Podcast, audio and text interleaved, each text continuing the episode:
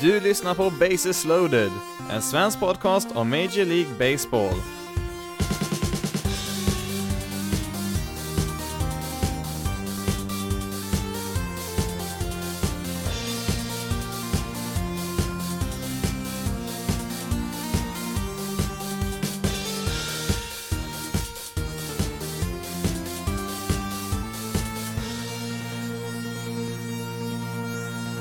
Och välkommen till Bases loaded, en svensk podcast om Major League Baseball. I veckans avsnitt så blir det som vanligt lite nyheter från veckan som gick och tänkte dessutom kolla lite närmare på några sårbara topplag som vi kommer få se i oktober och ehm, ja, just det vi börjar i detta avsnitt. Det pratas om att det finns tre giganter i årets MLB, Dodgers, Astros och Yankees, eh, och eh, ja, det är ju de tre lag som också har störst förväntningar på sig. Visst, eh, de sticker väl ut från mängden, men det är absolut lag som har sina brister och kan deras motståndare utnyttja det så har de ju absolut chansen att rubba på dessa giganter i ett slutspel.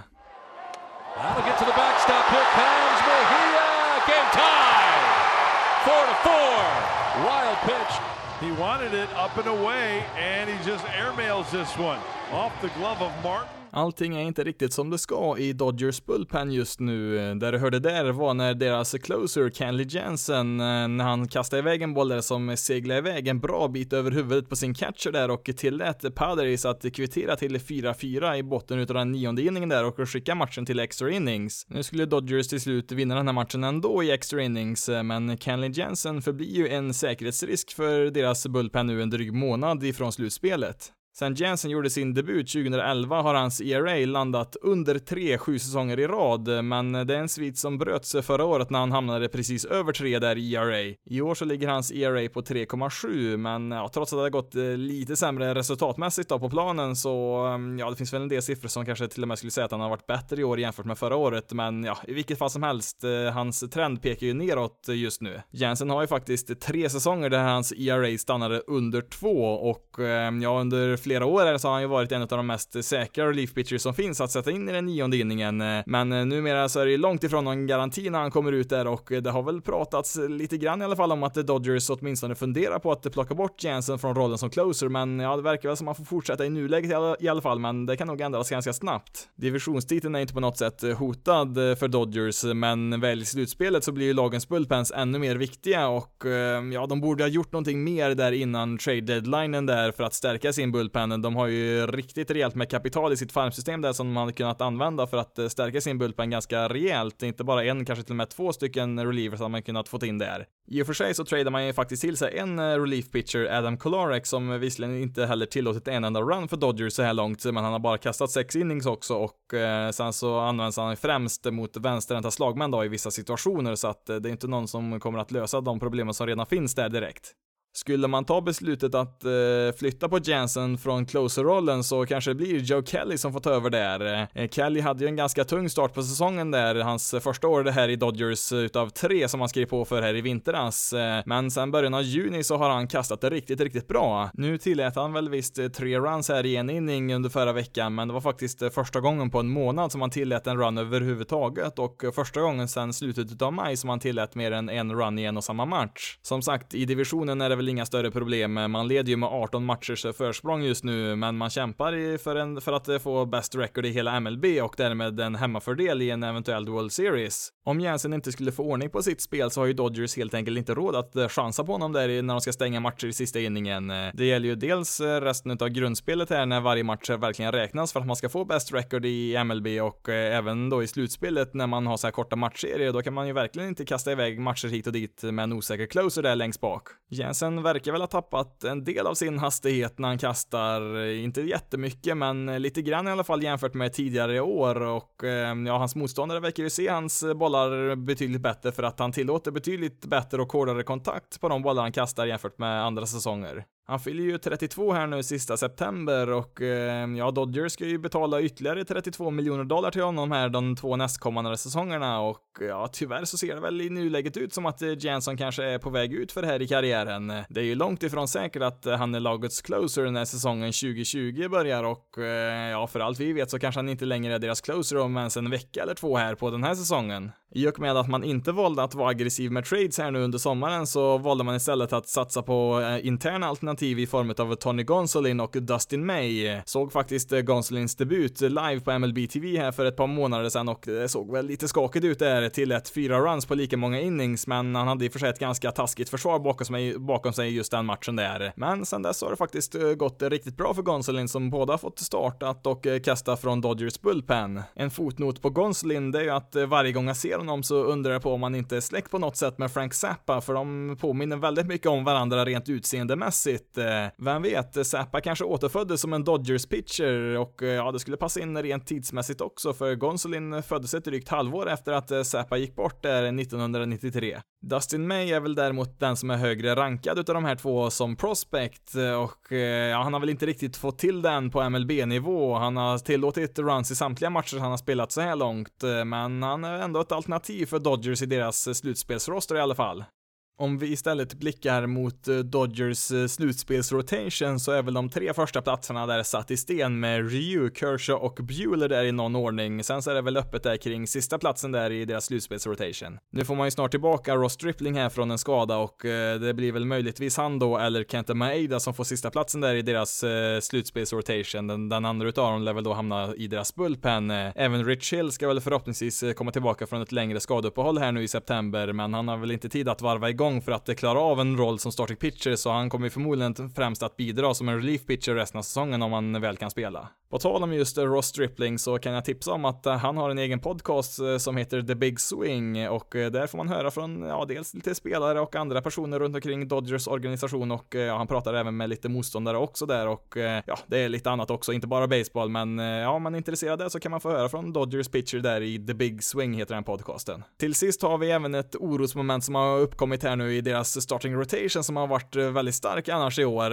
Junjin Ryu var ju på en helt annan nivå över alla andra pitchers eh, stora delar av den här säsongen, men i sina tre senaste starter så har han tillåtit 4, 7 och 7 runs, alltså sammanlagt 18 stycken, vilket måste vara lite oroande i alla fall. I och för sig så var det väl kanske lite väntat ändå att det förr eller senare skulle gå lite sämre för Ryu, men det har ju verkligen rasat för honom här nu de senaste matcherna. Trots de här dåliga matcherna här nu på slutet så leder han fortfarande MLB i ERA bland alla starting pitchers och eh, han är ju fortfarande en Cy Young-kandidat i National League där, men jag skulle nog ändå i nuläget välja antingen Kershaw eller Bueller där som eh, deras starter i första matchen där i slutspelet över Ryu.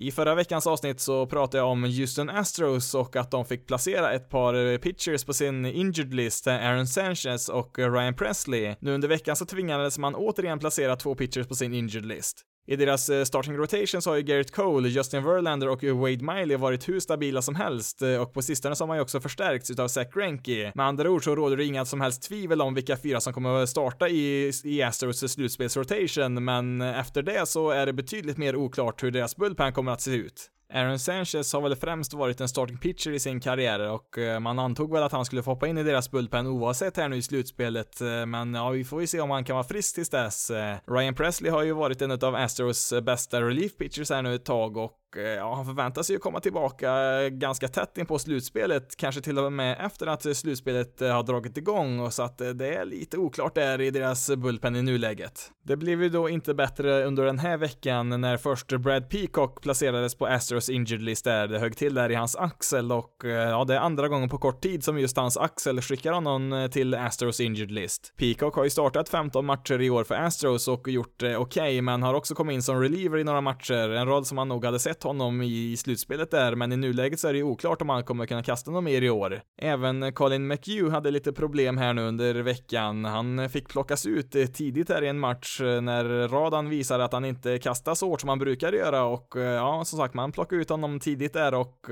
en dag senare så var han placerad på Astros injured list där, men i nuläget så vet vi inte exakt vad det är som är problemet. McHugh har ju även han startat lite matcher i år utan större framgång, men han har gjort 27 framträdanden som relief pitcher i år och och eh, då har det gått betydligt bättre med en ERA på 2,67 i de matcherna. Trots att både Peacock och McHugh har eh, erfarenhet som starting pitcher så var väl tanken att eh, de två skulle vara ett par stabila alternativ ur deras bullpen här nu i slutspelet. Men nu har ju den ena relievern efter den andra hamnat på deras injured list och det blir ju bara färre och färre pålitliga namn man kan slänga in här nu sent i matcherna. Bakom Roberto Osuna och Will Harris så finns det en hel del frågetecken där i deras bullpen och ja, det kan gå lite hur som helst om de inte får tillbaka lite spelare här ganska ganska snart. Osuna har väl dessutom kanske presterat sin sämsta säsong så här långt i sin MLB-karriär. Han har inte varit dålig, men han har inte riktigt varit så här bra som vi är vana att se honom heller. Om Astros motståndare i slutspelet kan slå ut deras starting pitching relativt tidigt så kan det bli jobbigt för Astros här att få ihop alla innings eh, under oktober. Men eh, de har i alla fall försökt här nu i år och testat en hel del unga prospects i olika roller eh, som Josh James, Framber Valdez och Corbin Martin, men de har inte fått någon vidare utdelning än så länge där tidigt på deras karriärer. Men Astros kanske inte får klaga allt för mycket när det gäller sina rookies när man har Jordan Alvarez på sin roster. Det ser mer och mer ut som att Alvarez kommer att bli årets rookie i American League trots att han kommer att spela mindre än 100 matcher i år. Så bra har han faktiskt varit. Eh, hans VRC plus ligger ju på 185 just nu, vilket är bättre än självaste Mike Trout, vilket är väldigt imponerande även om det bara rör sig om drygt hälften av speltiden jämfört med Trout. Den tredje och sista giganten är ju då New York Yankees som har lite grann motsatt problem jämfört med Astros och Dodgers. Skulle Yankees eh, kunna ta sig igenom en slutspelsmatch eh, där deras starting pitchers eh, klarar minst fyra eller kanske fem innings där de fortfarande är med i matchen så ja, då kan de ju lämna över till sin bullpen som känns betydligt mer stabil än vad både Astros och Dodgers kan ställa upp med i nuläget.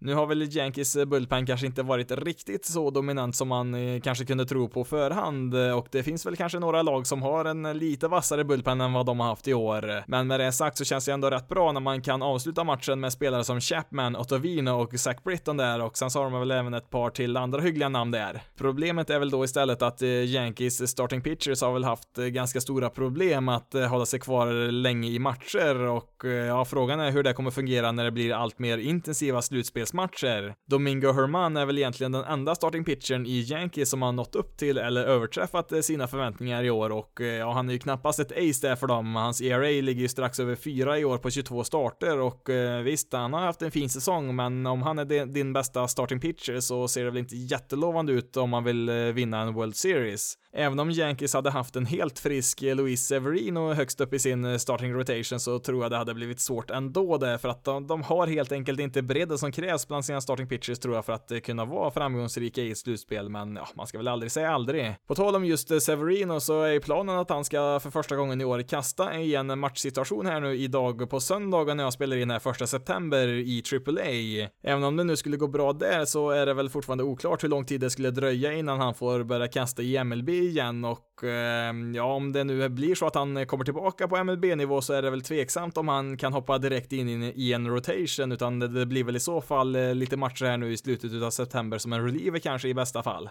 Yankees har ju likt Dodgers och Astros eh, mer, mer, eller mindre redan säkrat divisionstiteln, vilket i sig kanske inte är en chock så, men eh, det är väl sättet de har gjort det på som har varit väldigt imponerande i år. Visst, Red Sox följde väl ganska långt bak där i tabellen ganska tidigt eh, och har ju inte kunnat återhämta sig från det och sen så har man ju däremot haft ett Tampa Bay Rays som har varit ett bra lag där i divisionen som var i ledningen där ett, ett tag, men ja, Yankees är ju nu faktiskt i delad ledning för best record i hela MLB, vilket är extra imponerande med alla skador som de har drabbats av. Alla lag drabbas ju av skador under en lång säsong, men det är ju sällan på den nivån som Yankees har upplevt i år. De har ju fått tillbaka en del skadade spelare här under sommaren från sin injured list, men det finns fortfarande en hel del spelare som förhoppningsvis är tillbaka på deras roster här nu i september. Ett exempel är ju då deras relief pitcher Dalin Betances som sitter i ungefär samma sitt som Severino då han ska börja kasta här nu mot lite minor League-motstånd här nu relativt snart och eh, ja, det skulle ju vara ytterligare ett alternativ i deras bullpen där i ett slutspel om han kan komma tillbaka, men eh, frågan är ju om eh, Betances och Severino båda kommer att vara i tillräckligt bra form för att eh, ta en plats i Yankees slutspelsroster. Sen så har vi även Edwin Encarnacion som eh, har en fraktur i vristen här som eh, bör vara tillbaka här ganska snart. Eh, detsamma med Giancarlo Stanton som knappt spelat någonting alls i år. Han ska väl också förhoppningsvis få spela lite grann här i september och ja, deras centerfielder Aaron Hicks har ju varit borta här nu nästan en månad och ja, det är väl lite oklart när han kan vara tillbaka från en armbågsskada som han har, men han har börjat genomgå lite enklare övningar där så att det går väl åt rätt håll. Med andra ord så finns det fortfarande spelare som förväntas komma tillbaka här nu i september och kan potentiellt stärka deras roster på åtminstone några positioner, men tyvärr då inte i deras starting rotation som har kanske störst behov utav eh, förstärkningar. Sen så får man ju ställa sig frågan också om även de här spelarna som eh, visst på pappret är de kanske stora namn som Betances, eh, Stanton och Severino, men kan de verkligen bidra i de här få matcherna som är kvar i år och ja, de har ju knappt spelat någonting de här tre. Ja, Severino och Betances har inte spelat någonting alls. Stanton har väl gjort några enstaka matcher, men kan de verkligen komma tillbaka så här sent på säsongen och bidra någonting i slutspelet, eh, ja, det är lite osäkert. Men även om man nu har spelare på väg tillbaka från skada så innebär det inte att man har undvikit nya skador för att under veckan så fick man placera Cici Sabathia på deras injured list, det är deras starting pitcher som, eh, ja, det är hans knä igen som spökar där. Det är tredje gången i år som han är på deras injured list med just sitt knä. Nu ska han ju tömma knät här på vätska och eh, få en kortisonspruta där i hopp om att han kan återvända här nu innan eh, grundspelet är över, men frågan är hur mycket som finns kvar i Sabathias kropp som bara verkar vilja ge upp här. Det här är ju hans sista säsong och eh, det skulle givetvis vara kul att få se han göra en sista resa här i oktober, men eh, det är mycket som går emot honom just nu. Dessutom så har han väl inte varit speciellt effektiv som pitcher i år heller och eh, om han faktiskt lyckas komma tillbaka till spel så är det ju frågan hur många innings han kommer klara av att kasta på match. Så här långt i år så har han kastat på sina 20 starter i snitt fem innings per start och han har endast kastat sju innings en enda gång i år. Visst, nu ska ju Bullpens kasta fler innings i slutet slutspelet men eh, tyvärr så finns det väl lite väl många starting pitchers här i Yankees som i regel inte kastat eh, jättelångt in i matcher och eh, även om Yankees bullpen är bra så finns det en gräns på hur många innings de faktiskt kan kasta och fortfarande vara effektiva. Som sagt, Dodgers, Astros och Yankees kanske ligger på en högre nivå än de andra lagen i MLB just nu, men de har absolut svagheter som gör att de är långt ifrån är oövervinnliga. De tre lagen som har vunnit flest matcher sedan första juni, det är faktiskt Braves, Indians och Nationals följt av just Dodgers, Astros och Yankees. Så även om vi har några ganska stora favoriter så tror jag vi kommer få se en hel del riktigt intressanta möten i slutspelet i år.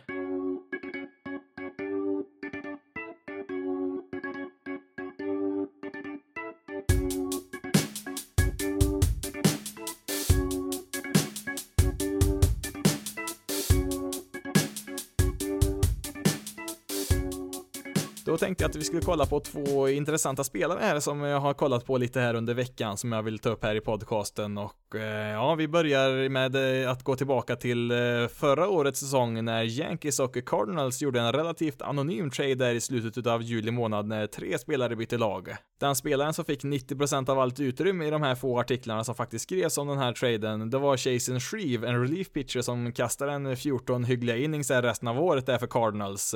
Men ganska snart så var det istället spel spelarna som gick till Yankees som fick 90, om inte 99% av all uppmärksamhet eh, då Luke Voigt klev in där och gjorde dundersuccé i New York. Även den här säsongen har ju varit bra för Voigt eh, som är för övrigt ytterligare en Yankees-spelare som nyligen eh, kom tillbaka från en skada. Men i vilket fall som helst, om vi går tillbaka till förra året där så kom ju snart rubrikerna där på löpande band efter Voigt gjorde sin succé där ganska snabbt att ja, Yankees har hittat den här oslipade diamanten som nästan ingen hört talas om innan och ja, Yankees såg väl något där som ingen annan hade sett i honom. Lika mycket hyllningar som Yankees fick för den här traden fick väl Cardinals istället negativ kritik att de blir av med en offensiv spelare utav hög kvalitet för en relief pitcher som, eh, ja, i år då kastat eh, två innings på MLB-nivå och sen spenderat resten av året i AAA. Men nu var det ju faktiskt så att det var en tredje spelare involverad här som eh, hamnade i Cardinals och ja, inför säsongen 2018 då när han fortfarande var i Yankees farmsystem där så rankades den här spelaren knappt alls bland Yankees prospects och inför opening day 2019 så skickade faktiskt Cardinals den här spelaren ner till AAA. Där skulle han dock bara spendera en dryg vecka innan han kallades upp eh, till MLB och eh, om hans prestationer i år är en indikation på hans eh, framtida MLB-karriär så kommer du nog få höra en hel del mer om Giovanni Gallegos. Another one two. He struck him out. Gallegos goes one two three in the eighth. It's still five four Cardinals late. Så här långt i år då så har Gallegos en ERA strax över två och ehm, ja visst nu är väl inte wins above replacement det bästa man kan använda för att jämföra relievers med varandra men i vilket fall som helst så har han 1,7 WAR vilket är sjätte bäst av alla relievers i hela MLB i år. Han är bakom sådana här stornamn som Aroldis Chapman, Felipe Vasquez och Kirby Yates. Vad är det då som är så exceptionellt med just eh, Giovanni Gallegos? Eh, ja, det är väl att han eh, i regel inte är exceptionellt bra på någonting egentligen så direkt. Det är väl snarare så att han är bättre än genomsnittet i ganska ganska många aspekter. Han strikar ut en hel del eh, motståndare men har inte någon sån här enorm hastighet som han blåser förbi bollarna med där utan han snittar väl någonstans runt 93-94 vilket eh, det är inte löst på något sätt men det är ju knappast märkvärdigt när var och varannan relief pitchers tycks kunna kasta minst 97 miles per hour i dagens MLB. Samtidigt så tillåter han väl inte speciellt mycket walks och ja, till skillnad från många andra pitchers så har han väl också lyckats med att eh, hålla nere sina homerun-siffror och ja, som sagt, eh, han är inte extremt bra på någonting egentligen, utan snarare bra på väldigt många olika saker istället. Som jag sa i förra veckans avsnitt så har ju många bullpens presterat betydligt sämre i år jämfört med 2018, men Cardinals tillhör ju ett av de här få lagen i år som fortfarande har en bullpen som producerar på en hög nivå jämfört även med förra årets säsong och eh, ja, de har faktiskt eh, näst lägst bullpen ERA just nu i MLB. Trots sin succé i år så har ju Gallegos inte fått eh, spela som closer, utan det är Carlos Martinez som har den rollen i Cardinals, är en omvandlad starting pitcher och ja, Gallegos Marcus har väl egentligen varit en bättre pitchen utav de här två, men ja, nu har de ju spelat så pass bra här nu på sistone så att eh, nu kanske man inte vill eh, flytta allt för mycket på saker och ting här när det, när det går så bra och eh, det har väl i och för sig främst handlat om deras starting rotation som har spelat mycket bättre än på sistone och de har ju faktiskt klättrat upp här nu på första platsen igen här nu i National League Central. Vet väl inte riktigt om jag faktiskt köper Cardinals här riktigt än som divisionsvinnare. De har ju varit väldigt ojämna i år. De har haft riktigt höga formtoppar men också några rejäla formsvackor så att Eh, jag är väl inte helt övertygad än om att det faktiskt är Cardinals som kommer att eh, vinna den här divisionen när vi summerar säsongen. Men visst, fortsätter den här formtoppen någon vecka till så kanske det är värt att ta närmare titt igen på vad Cardinals kan hitta på här nu innan säsongen är över. För Giovanni Gallegos återstår väl bara att se då om han råkar vara årets heta reliever som sen eh, faller bort här som en i mängden nästa år eller om han faktiskt är här för att stanna som en av MLBs bästa relievers. Det som vi däremot faktiskt kan se i nuläget eh, det är ju att förra årets trade mellan Yankees och Cardinals eh, fortfarande har chansen att gå jämnt ut för båda lagen. Anledningen till att jag ville ta upp Giovanni Gallegos var ju på grund av att han spelat väldigt bra i år. Nästa spelare du kommer få höra om, det är på grund av raka motsatsen.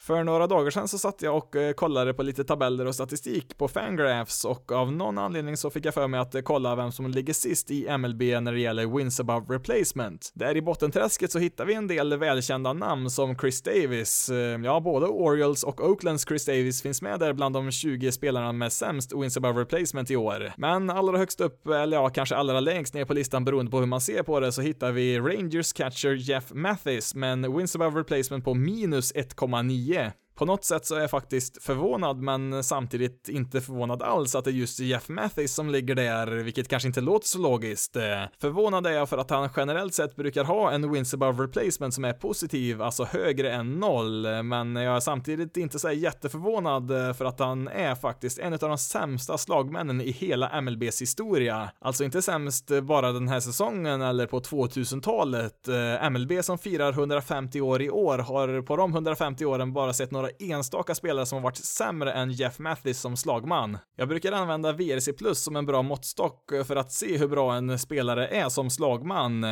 VRC Plus är då den här statistiken som samlar ihop allt en spelare gör när han ska slå som slagman, alltså räknar upp alla walks, strikeouts, homeruns eller andra hits, precis allt som sker när en spelare ska upp och slå. Sen så värdesätts de här olika resultaten och eh, jämförs sen med eh, andra spelare i ligan den säsongen. En spelare som har en VRC Plus på 100 100, den är lika bra som genomsnittet i MLB. En spelare med en VRC plus på 110 är 10% bättre än genomsnittet och en spelare med en VRC plus på 90 är 10% sämre än genomsnittet. Exempelvis Mike Trouts VRC plus så har i år legat kring 180, alltså 80% bättre än genomsnittet i MLB. Rekordet är för övrigt på 244 under en och samma säsong. Det var Barry Bond som hade det under säsongen 2002 och det är han tillsammans med Babe Ruth som ockuperar de sex bästa säsongerna i MLB-historien i just den här kategorin. Men om vi då fokuserar på Jeff Mathis igen här och varför han är så relevant. Eh, ja, som jag sa så är han en av MLBs absolut sämsta slagmän genom alla tider och hans sammanlagda VRC plus sedan han debuterade 2005 är 46, vilket är brutalt dåligt, alltså 54% sämre än en genomsnittlig slagman i MLB. Hans sämsta notering under en och samma säsong är 32, men i år så kommer han att slå det bottenrekordet ganska rejält. Eh, på söndag söndagen här då, den första september, så ligger hans VRC plus på 6. Inte 60, inte 16, utan 6. En sexa. Hans slashline i år ligger på 1.62, 2.16, 2.27 och slashline är ju också någonting som jag använder en hel del för att berätta om en spelares prestation och eh, det består ju utav tre stycken siffror, batting average, on base percentage och slugging percentage. Den första siffran i en slashline, det är ju då eh, batting average som Mathis har 1.62 eller 162 beroende på hur man vill säga det och eh, ja, det är ju brutalt dåligt. Det går att jämföra med snittet i MLB som ligger på 2.54 i batting average. Den andra siffran han i en slashline, det är då on base percentage som eh, berättar hur ofta en spelare tar sig på bas, oavsett om det är via hit eller walk eller något annat sätt. Eh, och eh, ja, Mathis on base percentage i år är 2.16. Det kan man då jämföra med snittet i MLB som är 3.24. Den tredje och sista siffran, slugging percentage, där har ju Jeff Mathis 2.27 där snittet är 4.37 i MLB.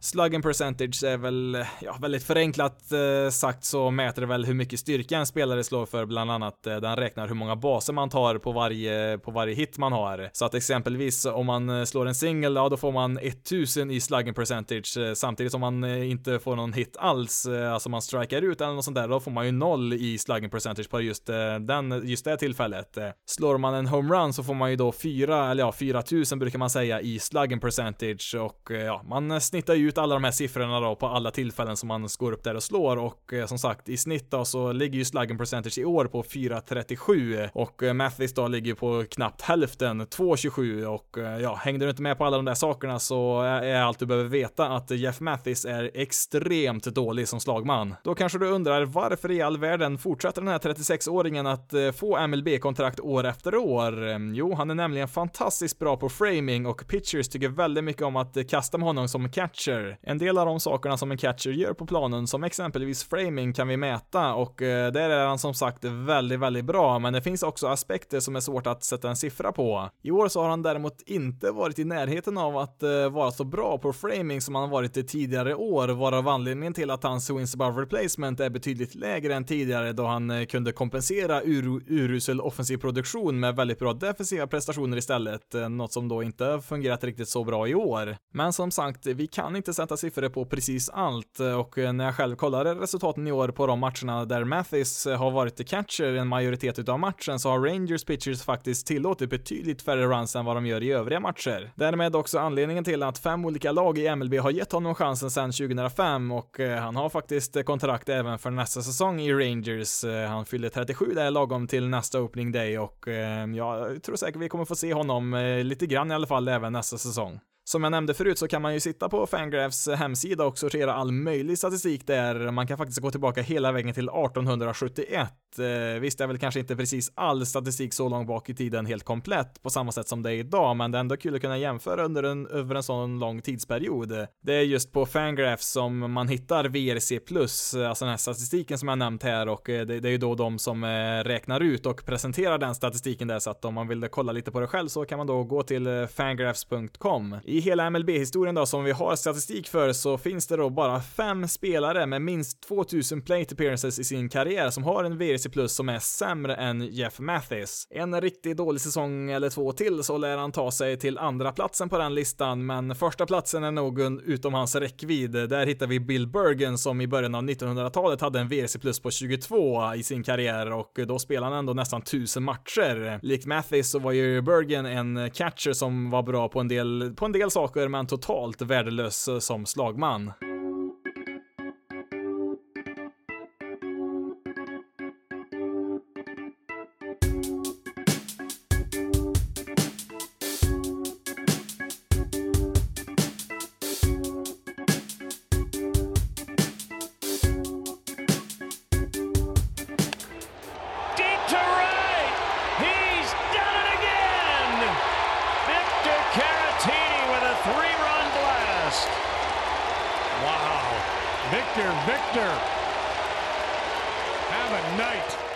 Och Mets spelar ju båda för sin eh, fortsatta överlevnad den här säsongen och under veckan så möttes de i vad som kanske var årets viktigaste matchserie så här långt i år. Nu kan ju mycket hända i september här, men eh, att Cubs sveper Mets på bortaplan här i tre raka matcher som de gjorde under veckan, det innebär ju att de här två lagen åker iväg i två helt olika riktningar. Mets var ju laget som precis alla hade dömt ut tidigt på säsongen och som många skrattade åt när de inte tradade bort eh, sina spelare utan istället stärkte sin roster med Marcus Stroman Bowman innan deadlinen, men eh, strax därefter så började ju saker och ting gå Mets väg och eh, var mer eller mindre uppe på en wildcard-plats där när de spelar som bäst. Cubs är väl egentligen laget som borde finnas med i början av det här avsnittet när jag pratar om ligans giganter, men så har det ju inte riktigt blivit i år och med ett stekhet Cardinals har ju Cubs dessutom tappat ledningen i divisionen som de förväntades vinna utav de allra flesta i år. Trots tre raka bortavinster mot Mets så är man fortfarande ett par matcher bakom Cardinals i divisionen, men man trendar ändå åt rätt håll. Framförallt positivt att man lyckas vinna på bortaplan som man haft så extremt svårt med i år. Hugh Darvish, som för ett år sedan fick många Cubs-fans att drömma mardrömmar, eller ja, det gjorde de väl även i april i år, men nu verkar man ha fått en helt ny pitcher här som börjar likna den spelaren man gav ett sexårskontrakt värt 126 miljoner dollar här nu förra året.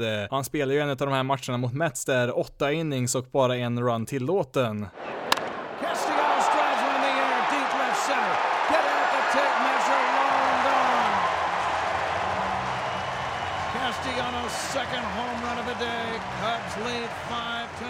Efter serien mot Mets så spelade Cubs en serie mot Milwaukee Brewers vars rightfielder right fielder Christian Jelic återigen är med i MVP-racet i National League, men eh, Cubs har även de numera en Jelic i sitt right field. Deras variant går dock under namnet Nicolas Castellanos som efter en månad sedan traden från Detroit spelat lika bra som just Christian Jelic gjort i hela året. Att Castellanos skulle få ett lyft offensivt när han eh, flyttade till Cubs var inte helt oväntat då Detroits hemmaplan Comerica Park är väldigt gynnsam för pitchers och eliminerar mycket offensiv där med sina dimensioner där på planen, där det även med den nya bollen krävs lite extra för att få bollen att segla ut där över stängslen längst bak i deras outfield. Det som däremot är oväntat, det är att Castellanos har gått från att spela ganska mediokert i Detroit i år till att helt plötsligt spela som en MVP med en slashline på 3.48, 3.85, 7.13 sedan han kom till Cubs för en månad sedan. Faktum är att han på 100 matcher med Detroit Tigers i år slog iväg 11 homeruns. På 28 matcher med Cubs har Castellanos slagit iväg 11 homeruns. Eh, vem vet, han kanske blev påmind om att han är free agent efter den här säsongen och bestämde sig för att eh, börja producera lite bättre här nu på slutet. Det blåser väl lite försiktigt positiva höstvindar i Chicago för tillfället och under helgen så påbörjade deras ordinarie catcher Wilson Contreras en rehabstint i AAA som innebär att han snart är tillbaka i Cubs lineup. Eh, ytterligare en positiv nyhet är att man under lördagen äntligen aktiverat eh, Ben Sobris som inte spelat sedan slutet av maj efter en del personliga problem vid sidan av planen. I New York så är det väl däremot lite motvind när vi nu officiellt träder in i hösten. Eh, tre raka förluster mot Cubs och dessförinnan tre raka förluster mot Atlanta Braves, eh, alltså sex stycken raka förluster på hemmaplan dessutom. Marcus Stromans eh, fem första starter i New York har väl inte riktigt varit vad man förväntat sig och eh, mot Cubs så åkte ju dessutom Noah Syndergaard ut efter endast tre innings när han tillät nio runs där i en match. Efter en urstark period där efter All-Star-uppehållet så har man väl halkat tillbaka lite här nu och är numera fyra matcher bakom en wildcard-plats.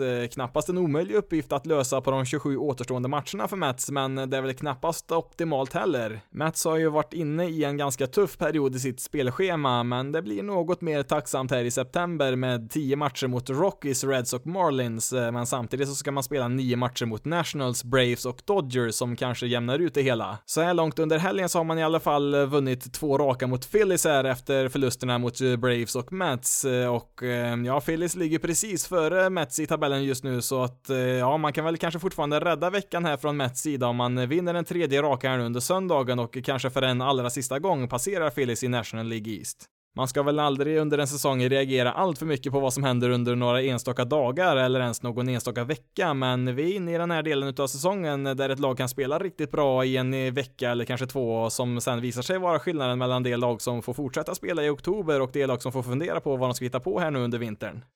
Då ska vi ta några saker här som hände under veckan i MLB och eh, vi börjar med något som vi fick se för bara den tionde gången i MLB-historien. Let's take a look at the motion. A true submarine is a guy who releases the ball below his knee. I mean, he almost scrapes the ground. My new favorite player of all time. That's a good one. Great debut kid. I och med Tyler Rogers MLB-debut som du hörde där i Giants bullpen blev han tillsammans med Twins pitcher Taylor Rogers det tionde tvillingparet att eh, spela i MLB. Taylor säkrade sin 21 save för säsongen här nu under förra veckan och direkt efter matchen var över där så skyndade han sig till närmaste TV där då brorsan Tyler hade kallats upp på Giants MLB-roster tidigare samma dag. Det var lite på håret där för precis efter att eh, Taylor stängde Twins match där i Chicago så började Tyler värma upp i Giants bullpen i San Francisco också. I bortalagets clubhouse där i Chicago så såg ju Taylor till att samtliga skärmar visade Giants match mot Diamondbacks där, så att hela Twins roster fick ju kolla på den här matchen vare sig de ville eller inte och heja på tvillingbrorsan i sin debut. Eh, Tyler tog sig igenom den åttonde inningen där i sin MLB-debut på endast 11 kast där, där han fick ut tre spelare i rad på groundouts. Lite extra speciellt med Tyler Rogers, det är att han är en submariner, eller submariner beroende på hur man vill uttala det där, alltså han kastar bollen eh, nedanför hans knän. En väldigt stor majoritet av alla pitchers kastar ju bollarna någonstans i huvudhöjd, ja, lite olika beroende på pitcher och vilken typ av kast det är spelar ju in också då, vart man släpper bollen, men i regel då så kastar man ju överhandskast, men sen så finns ju några få pitchers som Tyler Rogers då, som är, eh, submariners då, eller ubåtspitchers, eh, som i sin ansats böjer sig på ett sånt sätt som gör att de släpper bollen då strax över marken. Eh, kul att se att man har de här två tvillingarna då som är så pass olika varandra i sin stil, trots att de spelar på samma position. Taylor, som har gjort några säsonger nu i MLB, snittar omkring 95 miles per hour och eh, kan nå upp till 97 om man behöver det, men eh, tvillingbrorsan då, Tyler, kastar ju då som sagt nästan från marken där och snittar eh, strax över 80 miles per hour på sin sinker där som är hans hårdaste kast. Eh, men han har faktiskt varit uppe i nästan 86 miles per hour där som mest, eh, så att han kan att få ut en hel del kraft även när han kastar från under knäna där. I lite mer tråkiga nyheter så kom obduktionsrapporten ut angående Angels pitcher Tyler Skagg som avled på sitt hotellrum för två månader sedan. Den officiella dödsorsaken sägs vara att han råkat överdoserat på smärtstillande medel kombinerat med alkohol som gjorde att kroppen reagerade genom att kräkas, men i medvetslöst tillstånd så kom det aldrig ur kroppen där och hamnade istället i lungorna som då gjorde att han kvävdes. Det kom också ut i samband med detta att en anställd inom Angels organisation misstänks ha varit inblandad i händelsen på något sätt. Eh, vad det betyder är ganska oklart i nuläget och eh, lär väl undersökas vidare i ytterligare undersökningar. Varför Skanks hade de här substanserna i kroppen kanske vi aldrig kommer få reda på, men eh, tyvärr så är det väl inte ovanligt att olika sportprofiler som drabbas av mycket skador i karriären till slut blir beroende utav smärtstillande medel för att kunna fortsätta spela och eh, det följer ju också med ibland efter karriären är över för en del. Skaggs genomgick ju för några år sedan en Tommy John-operation och hade ju en del andra skador också i karriären. Om detta är anledningen bakom hans bruk av dessa medel, det är givetvis omöjligt att eh, säga i nuläget, eh, men det är väl också en möjlighet. Att spela på allra högsta nivå i de här stora sporterna kräver ju extremt mycket av kroppen, även då i såna här sporter som baseball där man i regel inte blir tacklad av motståndare var och varannan minut. Det har inom eh, amerikansk fotboll framförallt pratats en hel del om olika former av smärtlindring som spelarna där kräver för att eh, ta sig igenom en säsong mer eller mindre. Bland annat eh, Brett Favre i Green Bay Packers, eh, deras legendariska quarterback där som eh, mitt under sin Hall of Fame-karriär blev beroende utav smärtstillande som man också blandade med alkohol där som man var tvungen att i princip eh, häva i sig för att han skulle orka med och spela en hel säsong. Nyligen så kom det även ut uh, nyheten här om att en annan quarterback, Andrew Luck, en av de mest framstående på positionen i sporten, pensionerar sig på grund av alla skador han har drabbats av innan han ens har fyllt 30 år. Men som sagt, eh, det förekommer ju tyvärr också inom baseball och jag kan eh, tänka mig att framförallt pitchers är extra hårt drabbade där de i princip är skadade året om i sina armbågar och axlar. För det är ju knappast en naturlig rörelse att kasta en baseball så hårt du kan om och om igen. Det finns väl egentligen två sorter sorters pitchers, eh, de som är så pass skadade att de inte kan spela för tillfället och sen så finns alla andra pitchers som även det är skadade men inte tillräckligt nog för att avstå spel. Sen så är det ju inte heller ett eh, problem som endast är begränsat till sport och professionella atleter. Tyvärr så är det ju många andra i samhället som efter någon kanske skada eller operation upplever akut smärta i samband med detta som får smärtstillande utskrivet som åtgärd, men eh, dessa innehåller ju också många väldigt beroendeframkallande ämnen som gör att många blir just beroende. I vilket fall som helst så är det en oerhört tragisk eh, situation för alla inblandade och eh, Tyler Skaggs kommer att vara saknad både på och utanför planen. Till sist tänkte jag också nämna Kansas City Royals som har fått en ny ägare, eller rättare sagt ska få en ny ägare. David Glass köpte Royals eh, år 2000 för 96 miljoner dollar och har kommit överens nu att eh, sälja laget till John Sherman för en miljard dollar. Sherman är i nuläget delägare i Cleveland Indians och eh, kommer ju då tvingas sälja den delen för att ta över Royals, så att han har ju i alla fall lite erfarenhet av att driva ett MLB-lag. Affären kommer att bli officiell först i november när alla lags ägare ägare möts där och eh, kan bekräfta det här ägarbytet. Vad detta innebär för Royals vet vi ju inte än, men Sherman har varit engagerad lokalt i Kansas City och eh, tidigare varit ägare utav säsongskort på Kaufman Stadium, så att eh, det borde väl vara ett gott tecken på att det inte finns några planer på att eh, flytta laget därifrån i alla fall. Med David Glass som ägare i drygt 20 år så vann man ju en World Series-titel 2015 och nådde ju även eh, till en World Series året innan där när man förlorade mot Giants. Ur den synvinkeln så har det väl varit en lyckad tid, men samtidigt så var 2014 och 15 de två enda säsongerna med Glass som ägare där Royals gick till slutspel, så det finns ju en del att eh, kritisera också. En ganska bra investering då visade sig vara för David Glass som får tillbaka då det tiodubbla som han investerade när han eh, köpte Royals då år 2000 och eh, ja, varje gång du hör en mångmiljardär som äger en MLB-klubb säger att den inte har tillräckligt med pengar för att spendera på mer spelare så vet att det är en ren och skär lögn med tanke på hur värdefulla de här lagen faktiskt är.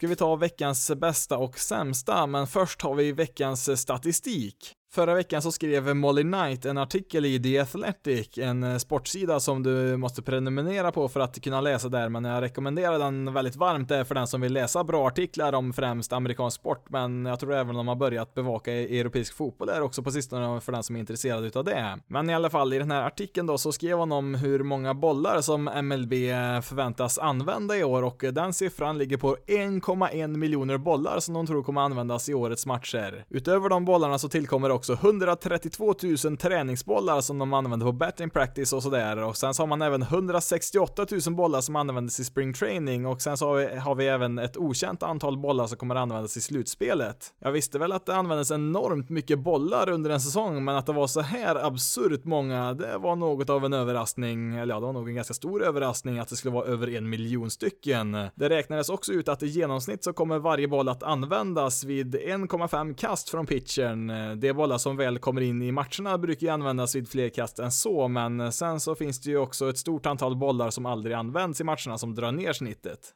So here's almost riding a 23 game hitting streak, longest current streak in the majors. There goes Rosario and Ramos pokes one into center field for a base hit and that'll bring in the game's first run. Rosario was running on the pitch. Ramos dunks one into center field. He's got a 24 game hitting streak and the Mets have a quick 1-0 lead. Veckans bästa går till Wilson Ramos eh, som du hörde där när han slog iväg sin första utav fyra hits där i en och samma match i helgen mot Phillies. Det var också den 24 matchen i rad med en hit för Mets catcher och eh, ja, han var väl inte sådär jättehet i Mets lineup i början av säsongen, men sen All-Star-uppehållet så har han en slashline på 3.42, 3.80, 4.58, eller ja, typ dubbelt så höga siffror då som Jeff Mathis i år. Sen så måste jag väl göra ett tillägg här också för att bokstavligt talat när jag spelade in det som du precis hörde där om Wilson Ramos så började mobilen explodera här med notifikationer om att Justin Verlander har kastat en no-hitter igen, hans tredje i karriären, så att jag antar väl att vi bör trycka in han här också på veckans bästa. Ground ball to third. Toro is there. His throw in time. Justin Verlander. Exclamation point in a Hall of Fame career. His third career no-hitter. One of six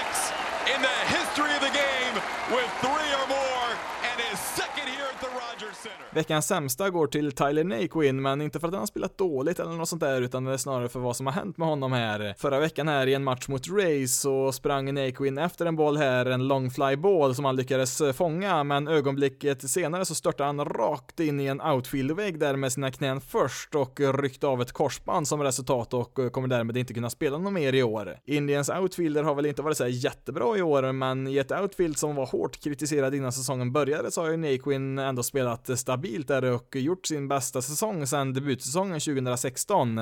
Indians har ju goda möjligheter att få spela i årets slutspel, vilket NakeWay nu inte får göra, vilket är väldigt tråkigt. Ganska imponerande då var ju att han trots den enorma smärtan faktiskt lyckades hålla kvar bollen i handsken för att eh, kollisionen skedde ju som sagt bokstavligt talat ett ögonblick efter att han faktiskt fångade bollen. Då får det nog räcka här för veckans avsnitt. Eh, vi har inte så jättelångt kvar här nu på säsongen. Eh, de flesta lagen har väl drygt 30 matcher, några färre till och med att eh, spela här nu innan det är dags för slutspelet här i oktober, så att nu är vi verkligen inne på sluttampen här. Om du vill följa Basis loaded på Facebook, Twitter eller Instagram så kan du leta upp basisloaded.se. Det går även bra att mejla vad du än vill till basisloaded.se gmail.com om du vill och har möjlighet att betygsätta den här podcasten på Apple Podcast eller via iTunes så hjälper det en hel del för att få andra att upptäcka den här podcasten. Självklart väldigt tacksam till er som redan har gjort det och eh, extra kul att se att det är ett par stycken som också har skrivit lite grann i sitt omdöme där som eh, är väldigt kul att läsa det för min egen del. Men eh, nu har jag pratat tillräckligt för idag. Mitt namn är Jonathan Fabri. Tack så jättemycket för att du har lyssnat på veckans avsnitt av Basis loaded. Ni får ha det så bra där ute så hörs vi i nästa veckas avsnitt.